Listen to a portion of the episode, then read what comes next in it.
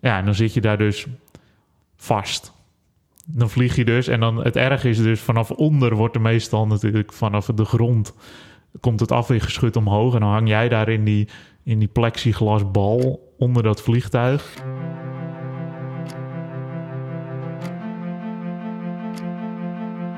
Met de Dutch Historian Geschiedenis Podcast zetten we geschiedenis terug op de kaart. Van de steentijd tot de 21ste eeuw, er is over elk tijdvak wel iets te vertellen. Want er is een oneindige hoeveelheid aan mooie en interessante verhalen. In deze podcast gaan we samen en met experts in gesprek over de uiteenlopende onderwerpen die dit land gevormd hebben. Wij gaan van de geschiedenis van Nederland een trending topic maken. Zo kunnen jullie na elke aflevering weer met nieuwe weetjes aankomen op een verjaardag.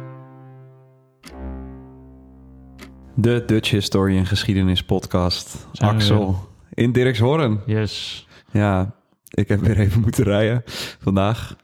Maar ehm, laten we maar gelijk van wal steken, want jij wilt iets vertellen over de nieuwe serie Masters of the Air. Precies. Ja, Wat, wat, is, wat, wat is daar allemaal mee? Ja, nou, Apple TV heeft een nieuwe serie eh, uitgebracht. Laatst, Masters of the Air heet die. Op dit moment van opnemen zijn er vijf afleveringen online. Oké. Ehm, en ik weet niet of jij de serie Band of Brothers kent, The Pacific. Ja, ik ken de... Ja, ik ken het. Ik heb het niet gezien. Oké, nou, de- ik denk dat ik het bij elkaar eh 500.000 keer gezien heb. Eh, dit is, ja, ik denk dat de meeste mensen die enigszins in de Tweede Wereldoorlog geïnteresseerd zijn, het een favoriete serie is. In mijn ogen misschien wel een van de beste series ooit gemaakt. Band of Brothers in dit geval. Pacific eh, is zeg maar een soort van Band of Brothers, maar dan in de, ehm, eh, aan de andere kant van de wereld. Dus de oorlog tussen Amerika en Japan. Ja. En die makers van die series, en die series zijn uitgekomen, nou, toen was ik volgens mij tien, dat is een hele tijd geleden. Eh, die hebben dus nu Masters of the Air uitgebracht. En Wow. Masters of the Air gaat dus eigenlijk over de, ehm, eh, ook over de Tweede Wereldoorlog natuurlijk. En je volgt een bommenwerper crew, een Amerikaanse bommenwerper crew. Want wat is er op dat moment aan de hand? Ehm, de Amerikanen en de Britten die zitten natuurlijk in de Tweede Wereldoorlog nog steeds in Engeland. Want Hitler, het is niet gelukt om Engeland in te nemen. Dus Engeland wordt eigenlijk gebruikt als een springplank voor luchtaanvallen op de Duitse oorlogsindustrie. Dus het idee van eh, de Britten en Ameri- Amerikanen was. We bombarderen fabrieken, we bombarderen belangrijke spoorwegen, we bombarderen een dam. Ja. Om zo te zorgen dat die Duitsers, zeg maar, hun oorlogsindustrie eh, naar de kloten ging. Waardoor Ja. ze uiteindelijk minder ja, kracht konden leveren op het slagveld. Dus echt strategische bombardementen. Ja, dat was het idee. En nu heb je twee, eigenlijk, je hebt de Britten en de Amerikanen. En de Britten die vlogen s'nachts met die bommenwerpers. De RAF. De Royal Air Force Ja. inderdaad. En de Amerikanen vlogen overdag. Oké. En ik wil eerst even kort beginnen met eh, het, het- een stukje eh, ja, een persoonlijke ervaring daarmee. Eh, ik leefde nog niet toen, maar nee, ik, hier in het dorp waar ik woon, in Dirkshoorn, staat een monument. Eh, van een neergestorte Wellington, Britse Wellington bommenwerper. Oké. En Dus het monument is eigenlijk een oorlogsmonument in het algemeen. Alleen het monument zelf is een, eh, de motor of een propeller van de Wellington bommenwerper die hier in de buurt is neergestort. En er staan ook de namen van degenen die in dat toestel zaten. Volgens mij een bemanning van vijf of zes. Die staan ook op dat monument. En ik heb altijd als kind op de basisschool heb ik daar, ja, ging ik altijd daar herdenken. Dus Ja. ik was altijd gefascineerd door dat monument. Eh, en dus ook door het verhaal achter die bommenwerper. Want ja, wat doet een, een motor van een Brits bommenwerper in Dirkshoorn op een monument? Nou, wat gebeurde er? Om van Engeland naar Duitsland te gaan, moet je natuurlijk eerst langs België, langs Nederland. Ja. Dus in totaal in de Tweede Wereldoorlog zijn er zo'n 5500 bommenwerpers of vliegtuigen verloren gegaan boven Nederland. Wauw. Dus- nou ja, dat, daar refereren we ook nog aan in de aflevering met. Chris Dijkshoorn. Dus inderdaad, de aflevering met Chris Dijkshoorn, die zorgen ervoor dat dus overal in Noord-Holland of in Hollands Kroon, gemeente Hollands Kroon, eh, monumenten worden opgericht. Maar ik heb laatst nog even gekeken, want ze hebben een interactief kaartje waar je kan zien waar al die monumenten staan. Het is echt bezaaid. En het is zo bizar dat van die 5500 uh, bomwerpers zijn er dus, denken ze, nog ongeveer 400, waar dus letterlijk de stof, stoffelijke overschotten nog gewoon in de grond zitten. Dus nu nog? Nu nog, ja. Dus ze zijn langzaam. Laatst is er ook vlakbij Nieuwe Niederup, ook in Noord-Holland, is er ook een, uh, Lank, een Britse Lancaster bommenwerper uh, hebben ze uitgegraven. Want je kan je voorstellen dat zo'n ding crasht en dat, dat boort zich gewoon in de grond. En dat zit daar dus nog steeds met, in dit geval was het een Tsjechische bemanning van die uh, Britse Lancaster. Oh. En dus de hele delegatie uit Tsjechië was erbij en nou, noem het maar op. Dus ja, zo'n 400 vliegtuigwrakken, die, die zijn, daar zitten waarschijnlijk nog stoffelijke resten van de bemanningsleden in. Nou, dat is natuurlijk heel bizar. En dat is dus overal waar je om je heen kijkt in Nederland zijn er van dat soort plekken. Maar dat zijn dus de Britten en dat is dus de, ja, de persoonlijke band die ik daarmee heb, omdat ik bij dat monument, als toen ik jong was, gedichten ook vol las. Ja, want dat, dat, um, dat, mocht jij dus toen ja, toch doen, hè? dat heb ik meerdere keren gedaan, ja. De, ja. Ik kan ook uh, boven op zolder heb ik een doos met oude tekeningen van mezelf. En dan staat er groep 5, 6 een tekening. En heb ik een Lancaster bommenwerper getekend. Wat natuurlijk, als nou, oud ben je dan? Uh, 9 of zo. Ja. of 8. Ja, dus ik was er echt door gefascineerd. Maar Masters of the Air, de serie, uh, die gaat dus over de Amerikaanse kant. En de, waar de serie over gaat is over een B-17 bommenwerper en de bemanning daarvan, van de 8th Air Force Division uh, noemen ze dat. En ja, die, wat er dus gebeurde, uh, eigenlijk Amerika stapt na Pearl Harbor pas in de oorlog. Dus dat is uh, december 41. De Japanners vallen Pearl Harbor aan en vanaf dat moment raakt Amerika betrokken. Ja, wat gebeurt er? Heel veel jonge Amerikanen die melden zich aan van ja, weet je, ons land wordt aangevallen. Ja, we moeten, we moeten vechten. En heel veel van die gasten, die hadden bijvoorbeeld, die waren überhaupt nog nooit de oceaan over geweest. Of misschien hadden ze niet eens een, ooit een oceaan gezien. In ieder geval geen vliegtuig gezien. En die werden dus een deel van die gasten, werd dus naar Engeland verscheept. Of eerst kregen ze training in Amerika. En vervolgens werden ze naar Engeland verscheept om dus die bomwerpers te gaan vliegen. En in Noord-Holland zie je dus ook overal graven. Maar je ziet dus ook altijd 19 jaar, 18 jaar, Ja, is 21, 22. En dat je dus zo oud bent en dat je dan met zo'n gigantische bommenwerper naar Duitsland moet en weer terug. En niet één keer, maar om de paar dagen weer. Ja, Heel bizar. Ehm, en als je dus kijkt naar de statistieken, dan is dus de eigenlijk van de Amerikaanse, het Amerikaanse leger in de Tweede Wereldoorlog, is dus de, de luchtmacht is het gevaarlijkste. En om je dan zeg maar een, een, een beeld te geven van hoe gevaarlijk, uh, die, uh, in de serie gaat het dus over de 8th Air Force Division. En daar uh, zijn zo'n, nou, volgens mij tussen de 300 en 400.000 mensen in dienst. En daarvan zijn er uiteindelijk 26.000 gesneuveld. Dus dat is, nou, bijna 10% Dus dat is echt dat is echt hoog. Ja. Want bij die 300.000, 400.000 heb je ook nog mensen die eromheen die niet per se in het vliegtuig zitten, maar ook die, die, die reparaties doen op de grond houden, en uh, nou, noem het maar op. Dus ja, het was gewoon enorm gevaarlijk. En uh, het vliegtuig wat die Amerikanen voornamelijk gebruikten was de B-17 Flying Fortress. Gigantisch vliegtuig. Flying Fortress. Ja, en het idee, want waarom heet het een Flying Fortress? Het was eigenlijk een vliegend fort in de zin dat het volledig zelfstandig, zonder uh, de hulp van uh, escortes, dus van escorte jachtvliegtuigen, volledig zichzelf kon verdedigen tegen de Duitse vliegtuigen. Nou, in werkelijkheid, het was een leuk idee, maar in welke werkelijkheid liep het toch net even anders, want er zijn er echt dus gigantisch veel uit de lucht geschoten.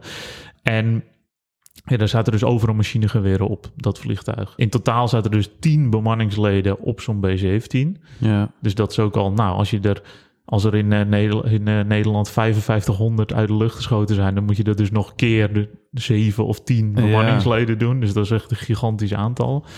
En die tien bemanningsleden, die waren eigenlijk allemaal, hadden ze een, uh, ja, een belangrijke taak. En ik dacht, misschien is het leuk om even ja, te, langs die bemanningsleden Ja. te lopen.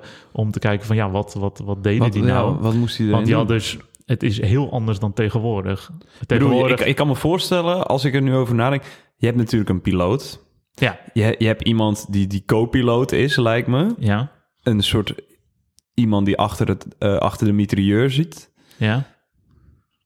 Ja, en dan? Ja, nou ja, het, het is dus het is heel erg gescheiden, de taken. Dus tegenwoordig heb, doet een piloot bijvoorbeeld heel veel. Eh, een piloot kan ook namelijk de communicatie doen en die kan ook nou, van allerlei dingen doen.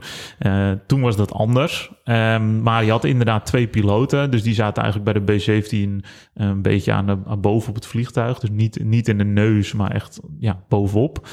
En een daarvan was ook zeg maar de, de, de leider van het, van het vliegtuig, zeg maar Van de groep. de, ja, de gezagvoerder, of hoe je dat noemt. En ehm, dan had je één eh bommenrichter. Want toen was het nog zo dat je een bommenrichter, dat was heel moeilijk. Dus dan moest echt gewoon één iemand was daar. Dat was gewoon zijn taak.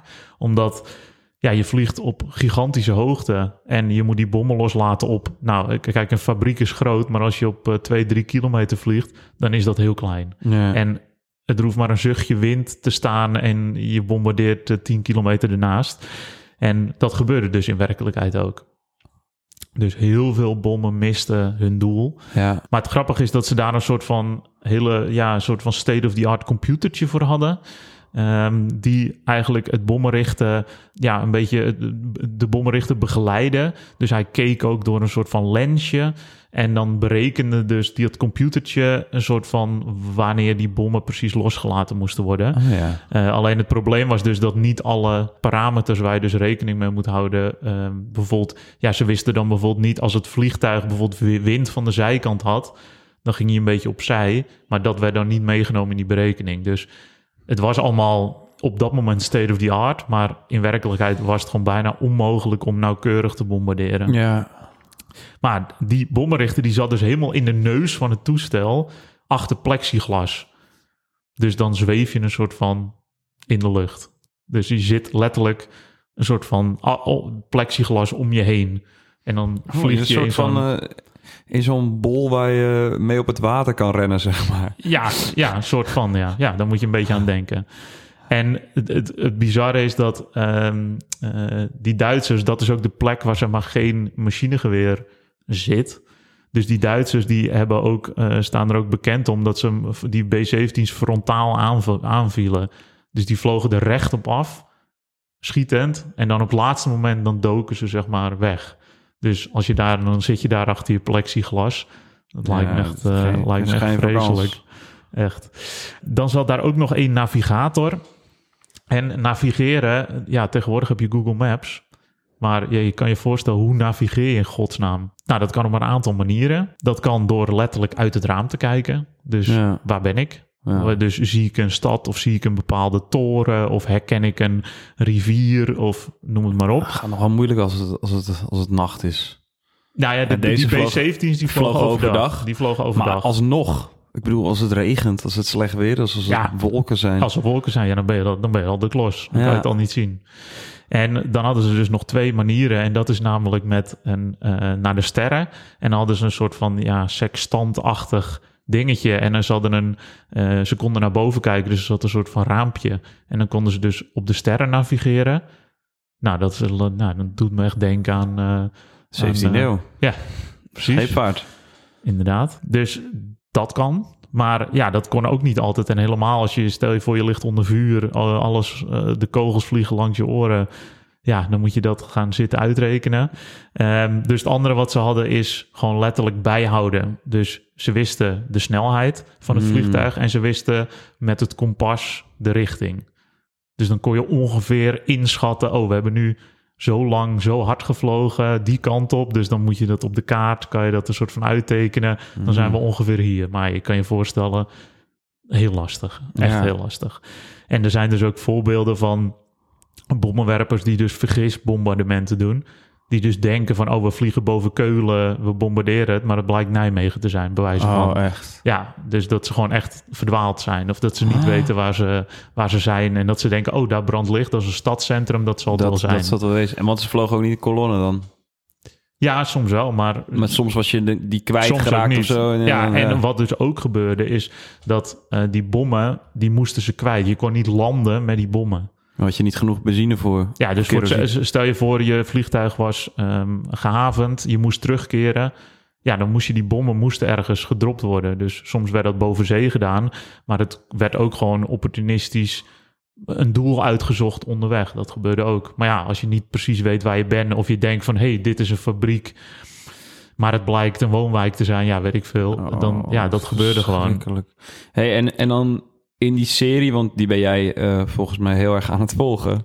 Ehm, wa- wat komt daar dan in terug? Zie je dan verhalen van... ehm, is er een soort verhaallijn geschetst? eh, Ja, ja het, is het is gebaseerd op een boek. op... Ja, Ja, dus ik, ik zal helemaal niks gaan eh, spoilen van, het, nee, van het geheel. Maar je, gaat, je, je loopt echt mee met een aantal personages die dus ja, zo'n bomsquad zijn. Dus die in een, in een, in een groep zo'n bommenwerper besturen. En ja, verder, want dan heb je dus die bommenrichter, je hebt de navigator, dan heb je Oh ja. de radio-operator. Dus je hebt nog een apart iemand die dus de radio bestuurt. Die houdt Dan- contact met... eh, Ja, met dus de, de kolonne, dus de andere bommenwerpers, maar dus ook met de thuisfront. Dan heb je de flight engineer, dus dat is letterlijk gewoon de monteur. Dus die, heeft, eh, die zit gewoon in een soort van regelkamertje en die heeft allemaal eh, metertjes voor zijn neus. En die moet eh, eigenlijk, als er een probleem is, is hij degene die dat moet gaan oplossen. En dan, als je dan naar de, de schutters gaat, want dat vind ik altijd het, het bizarste van het hele verhaal, is dat je, um, dan beginnen we even met eh, de zijkanten van het vliegtuig. Eh, dus er zitten twee schutters, die staan eigenlijk een beetje meer naar achter in het vliegtuig aan de zijkant.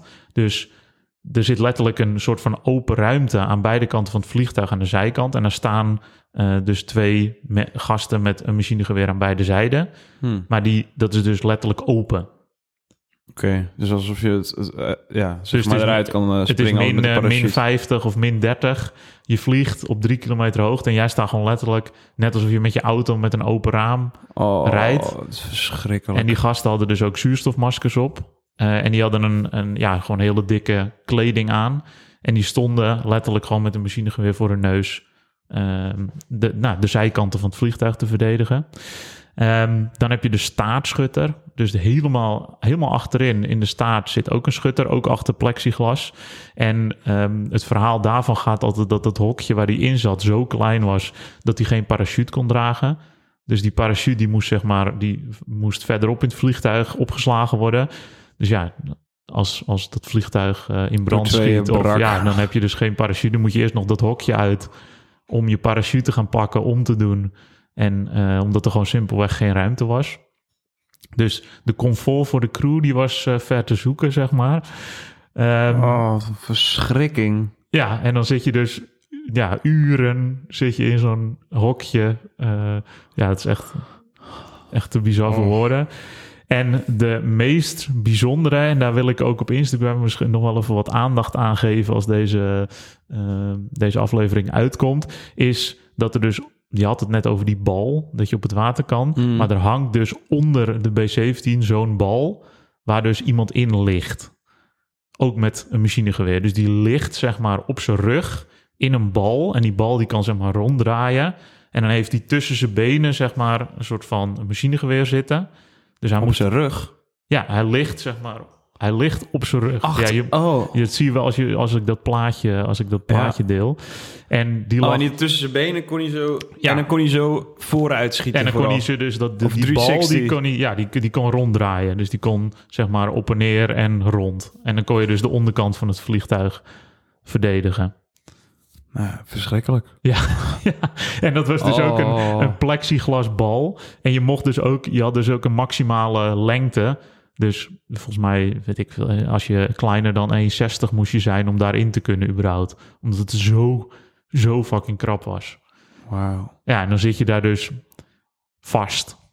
Dan vlieg je dus. En dan het erg is dus vanaf onder wordt er meestal natuurlijk vanaf de grond komt het afweergeschut omhoog. En dan hang jij daar in die, in die plexiglasbal onder dat vliegtuig. Ik zit even te bedenken, want stel je hebt dan soort van een... eh, Zo'n mitrailleurman die aan de rechterkant van het vliegtuig aan het Ja. schieten is, die wordt geraakt. Ja, Is er dan ook eh, het idee dat de co-piloot dan daar gaat staan? Of is het idee dat eh, de technische man dan die plek overneemt of zo? Of, ja ik, ik, dat? ik denk dat het afhangt van de situatie. Omdat je natuurlijk bijvoorbeeld de bommenrichter, ja, die doet in het begin niks.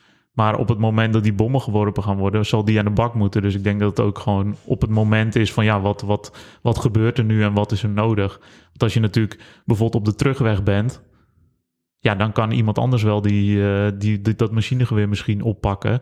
Uh, het is alleen wel zo dat zo'n B-17 lijkt groot, maar was vreselijk klein van binnen. Dus voordat je van de ene kant van het vliegtuig naar de andere kant bent, ja, dat is wel echt even, even doorbijten. Wat een verhaal, man. Ja, een soort van uh, nieuwe Band of Brothers. Alleen dan uh, een ander deel van, de, ja, van het militaire Amerika dat je ziet in de oorlog. Ja, dus dat, was, uh, dat is Masters of the Air. En ik zou iedereen het aanraden om het te gaan kijken. En nogmaals, besef je dat dus hier in Nederland echt een hele grote link is met al die bommenwerper crews. En dus, dus overal uh, begraafplaatsen nog zijn waar die jongens liggen. Um, ja, en echt jonge mensen. Het is echt... Ja, hier in, naast, vlakbij Dirkshorn is Koolhorn. En daar zijn, liggen ook zeven uh, ja, vliegeniers. Ja, en ook in, in op meer uh, ja, bergen, dorp naast mijn, overal. mijn geboortedorp. En op Texel, waar ik vorig jaar was, dat, dat, wist ik zelf niet, maar daar lagen volgens mij bijna honderd mensen van de, van de Air Force, Amerikaanse en Britse, of Britse lagen op, dat, op, dat, op die begraafplaats. En inderdaad, ja, dan zie je piloot 19 jaar, dan denk je, ja, wat deed ik dat ik 19 was? ja. ja. Bier drinken op de kermis. Precies. Axel. Maar genoeg over Masters of the Air. Ja. Um, jij wilde wat gaan vertellen over jouw scriptie. Ja, ik, ja, ik, ik heb twee jaar geleden heb ik mijn studie afgerond. En ik uh, ja, heb op de, de, Universiteit van Amsterdam gezeten, heb ik geschiedenis gedaan. Was je het zat? Of? Nee, ik heb Nee? het wel afgemaakt. Nou, ik was het wel een beetje... Ik, ik vond het goed dat het klaar was. Moet ik het zo Ik zeggen. kan me herinneren aan mijn eigen scriptie dat ik echt een soort van de laatste maanden had ik echt mijn motivatie. Nee, het is heel moeilijk om gemotiveerd te blijven. Vooral ja, met die masterscriptie, je moet zo veel woorden Ja, typen. ja. Maar goed, ik wil je even meenemen in dat proces, want ik vind het best een, best een leuk verhaal. Want wat, ja, wat je dan doet met zo'n master, je gaat eerst een half jaar krijg je studie en dan krijg je een half jaar de tijd, half schooljaar de tijd om je, eh, je scriptie te schrijven. En in dat eerste half jaar ga je ook op zoek naar een scriptieonderwerp. En ja, dat is eigenlijk al iets waar je een beetje mee bezig bent op het begin. Had je die snel? Ja, dat was dus wel een beetje een ding. Want ik wist eigenlijk niet zo goed waar ik het over wou doen. Ik wist dus wel dat het een beetje over West-Friesland wou laten gaan. Want daar had ik al veel onderzoek naar gedaan tijdens mijn studie. En ja, toen ben ik een beetje gaan inventariseren naar welke docent ik dan wel ja, zou willen benaderen om uh, mijn scriptiebegeleider te worden. En toen uiteindelijk heb ik contact gelegd met Arjan Nobel. Nou, dat is echt. Uh, ik hoop dat hij, als hij dit luistert, um, dat hij weet dat ik hem dankbaar ben voor, voor het hele proces van, uh, van de scriptie. Maar. Um, en we gaan hem sowieso ook nog een keer podcasten. Ik heb het met hem afgesproken. Oh, dus dus hij, komt, hij komt nog een keertje langs in de podcast. Uh, maar Arjan Nobel is, ja, is gespecialiseerd in de vroegmoderne tijd. Dus 16e eeuw, 17e eeuw. Ja, ik wou wel iets met hem doen over West-Friesland. En toen zat ik een beetje te kijken naar ja, wat zou ik dan kunnen doen. En je hebt best wel wat onderzoeken die gericht zijn op uh, microgeschiedenis, microhistory. En nou, waar gaat het dan over? Dat zijn eigenlijk hele specifieke onderzoeken die gebeurd zijn uh, bijvoorbeeld in een dorpje of in een streek waar heel veel bronmateriaal van is. En je hebt een boek, uh, dat heet Montaillou van uh, Roy de Ladurie. Zoiets. Het is, ik Ladurie, zo heet die man. Het is een Fransman. En dat gaat over een dorpje, Montaillou, in het zuiden van Frankrijk. En dat dorpje, dat is een soort kettersdorpje. En daar zijn heel veel ondervragingen geweest. En die ondervragingen van die ketters, die zijn bewaard gebleven. Dus is ongelooflijk Wow. veel bronmateriaal. En die microgeschiedenis is daar geschreven door hem in de 20ste eeuw. Ja, als een soort van... Ja, er is zoveel bronmateriaal. Het vertelt hartstikke veel over uh, die plek. Maar hij plaatst het dan ook in een soort bredere context van de wereld. En dat, Ja. is, dat is wel bijzonder bij microgeschiedenis. Dat je eigenlijk... Andersom werkt. Ja, je, je, je zoomt in en van Ja. dat inzoomen ga je Ga je- uitzoomen. ja, precies. Um, en het is ook heel erg in dat bronmateriaal ga je dan op zoek naar aanwijzingen. Dus als ze dan bijvoorbeeld gezegd wordt, nou, diegene was te laat, want die, eh, ik geef echt een, bijvoorbeeld diegene was te laat, want die was nog met die buurman aan het praten. Dan kun je misschien ook een beetje soort van daar, Ja.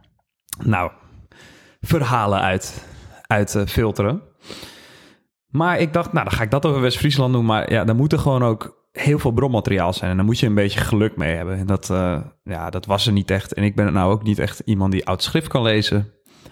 Dus gelukkig komt er, komt er daar een nieuwe techniek voor, hebben we geleerd van... Ja, van de AI. AI van de podcast die we opgenomen hebben over de 18e eeuwse kroniek. Maar toen dacht ik, oké, wat ga ik dan doen? En toen kwam Arjan eigenlijk met het idee om iets te doen met 1572. Het jaar eh, van de opstand eigenlijk. En dat was in het jaar dat ik onderzoek ging doen, was dat 450 jaar geleden. Dus toen ben ik daarop gaan inzoomen. Maar toen dacht ik, ja, ik kan wel bronnen uit de 16e eeuw gaan onderzoeken. Maar dat kan ik natuurlijk niet lezen.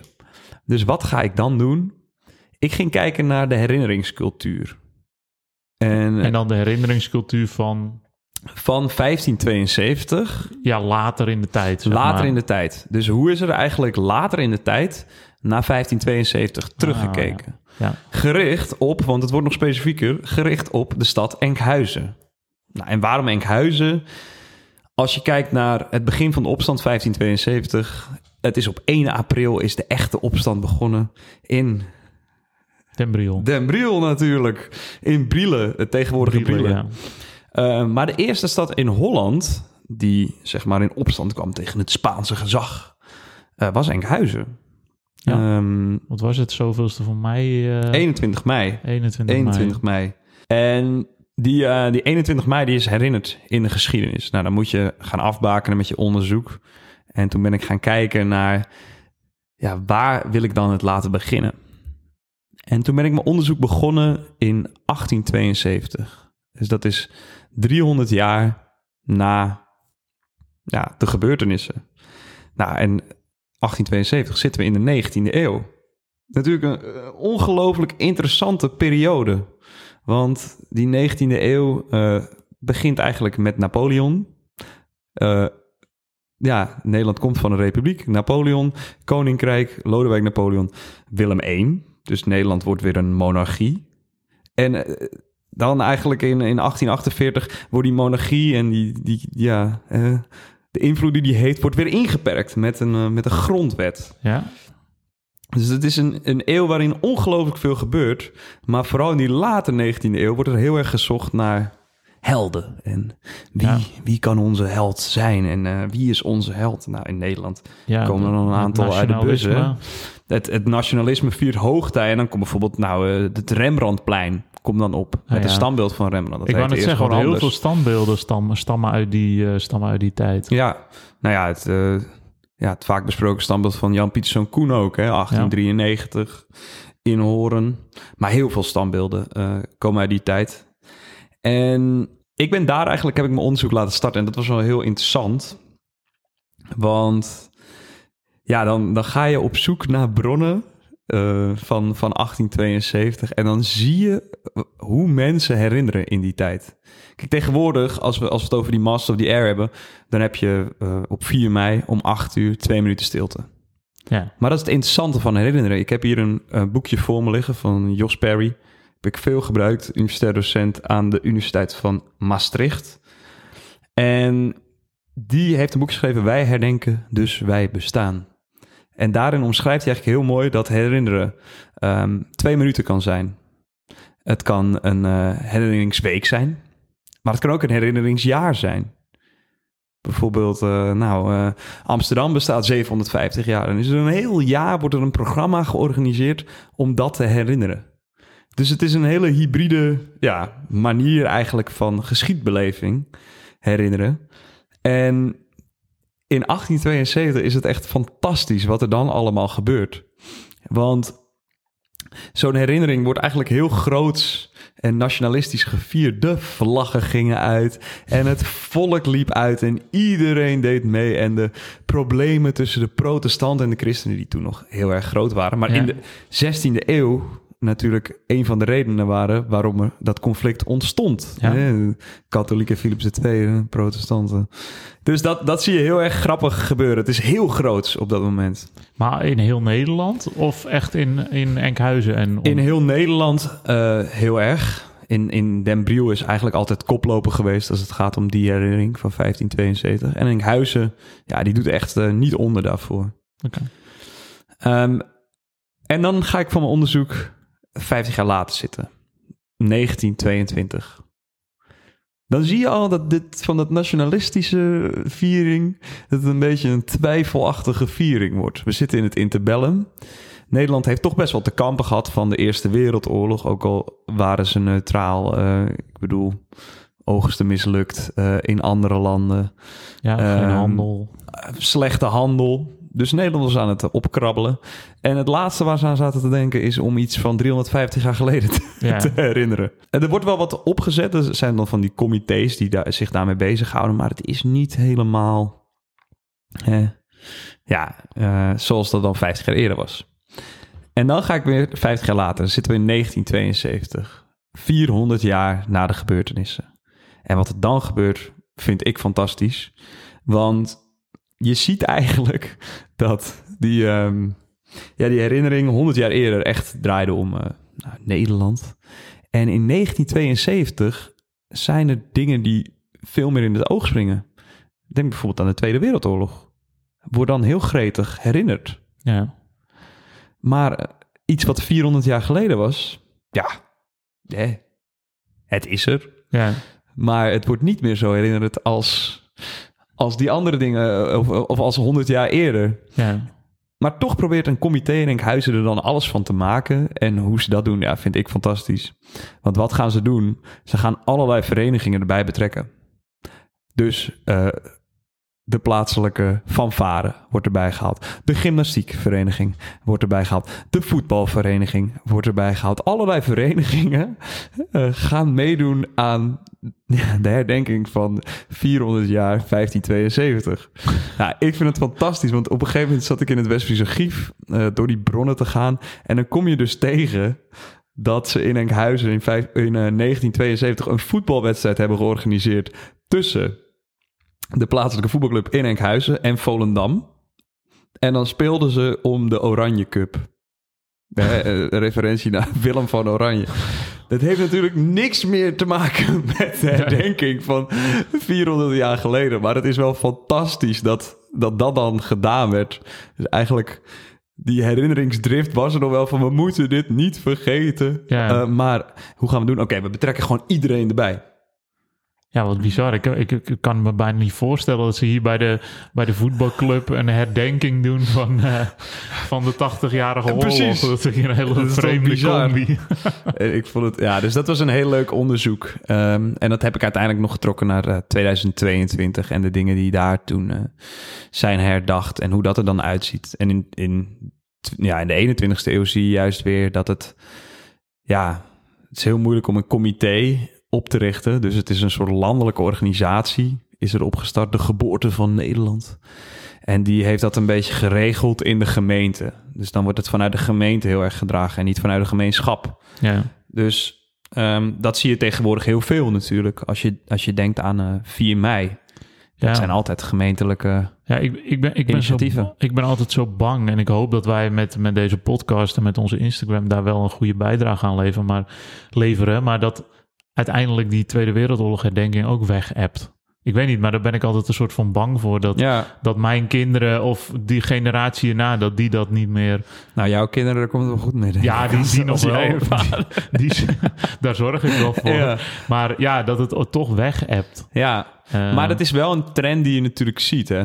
Ja, maar ik weet niet, maar het doet me altijd een soort van pijn of zo als ik daaraan denk. Dan denk Ja. ik van ja, dat, ja, eigenlijk wil je dat niet of zo. Nee, nee, opdat we niet vergeten is natuurlijk vaak wat er, eh, ja. wat er gezegd wordt. En dat is denk ik ook ehm, de kracht van herinneren. Want dat ben ik wel heel erg in mijn, in mijn onderzoek tegengekomen. Ik bedoel, je moet er 20.000 woorden voor op papier zetten. Dus op een gege- gegeven moment weet je het ook wel. ja, Ehm, dat juist herdenken en herinneren een heel goed instrument is. En ook vaak een instrument wat wordt gebruikt voor politieke doeleinden. ja, Ik bedoel, politici kunnen ook een herdenking of een, een referentie maken aan nou, vervlogen tijden. Ja, de, bij mij- ma- de macht van het verleden. De macht van het verleden bij mij springt gelijk in het oog. Ja, eh, het is niet eh, de, zijn meest handige uitspraak geweest. eh, Jan-Peter Balkenende. Ja, de VOC-mentaliteit. Ja, ik bedoel, Ja. dat is, dat is een, een, een referentie, een, ja, een gedachte aan iets wat vroeger was. En dat gebruikt hij eigenlijk om, om nu iets duidelijk te maken. Ik vind dat dan zo erg. Ben je, zo- ben je zo lang minister-president en iedereen kan zich alleen maar dat herinneren. Ja, ja en het skateboard, hè? Ja, en het en het skateboard, ja. dat, die, dat is je arm brak. Ja.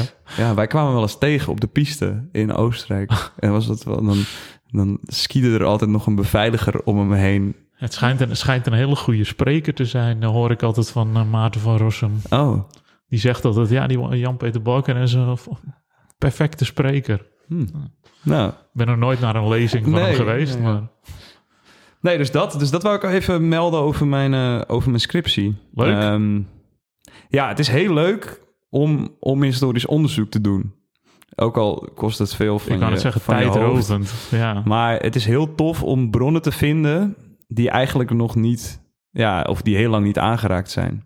Ik bedoel, je kan gewoon in archieven, kan je gewoon een brief vastpakken die, eh, ja, Willem van Oranje heeft geschreven. Zeg Ja. maar, ik, ja, ik vind dat idee, dat je dat kan aanvragen, dat je dat in je handen kan hebben, ja, dat is dat is eh, bizar. een historische sensatie. Ja. Ja, geweldig.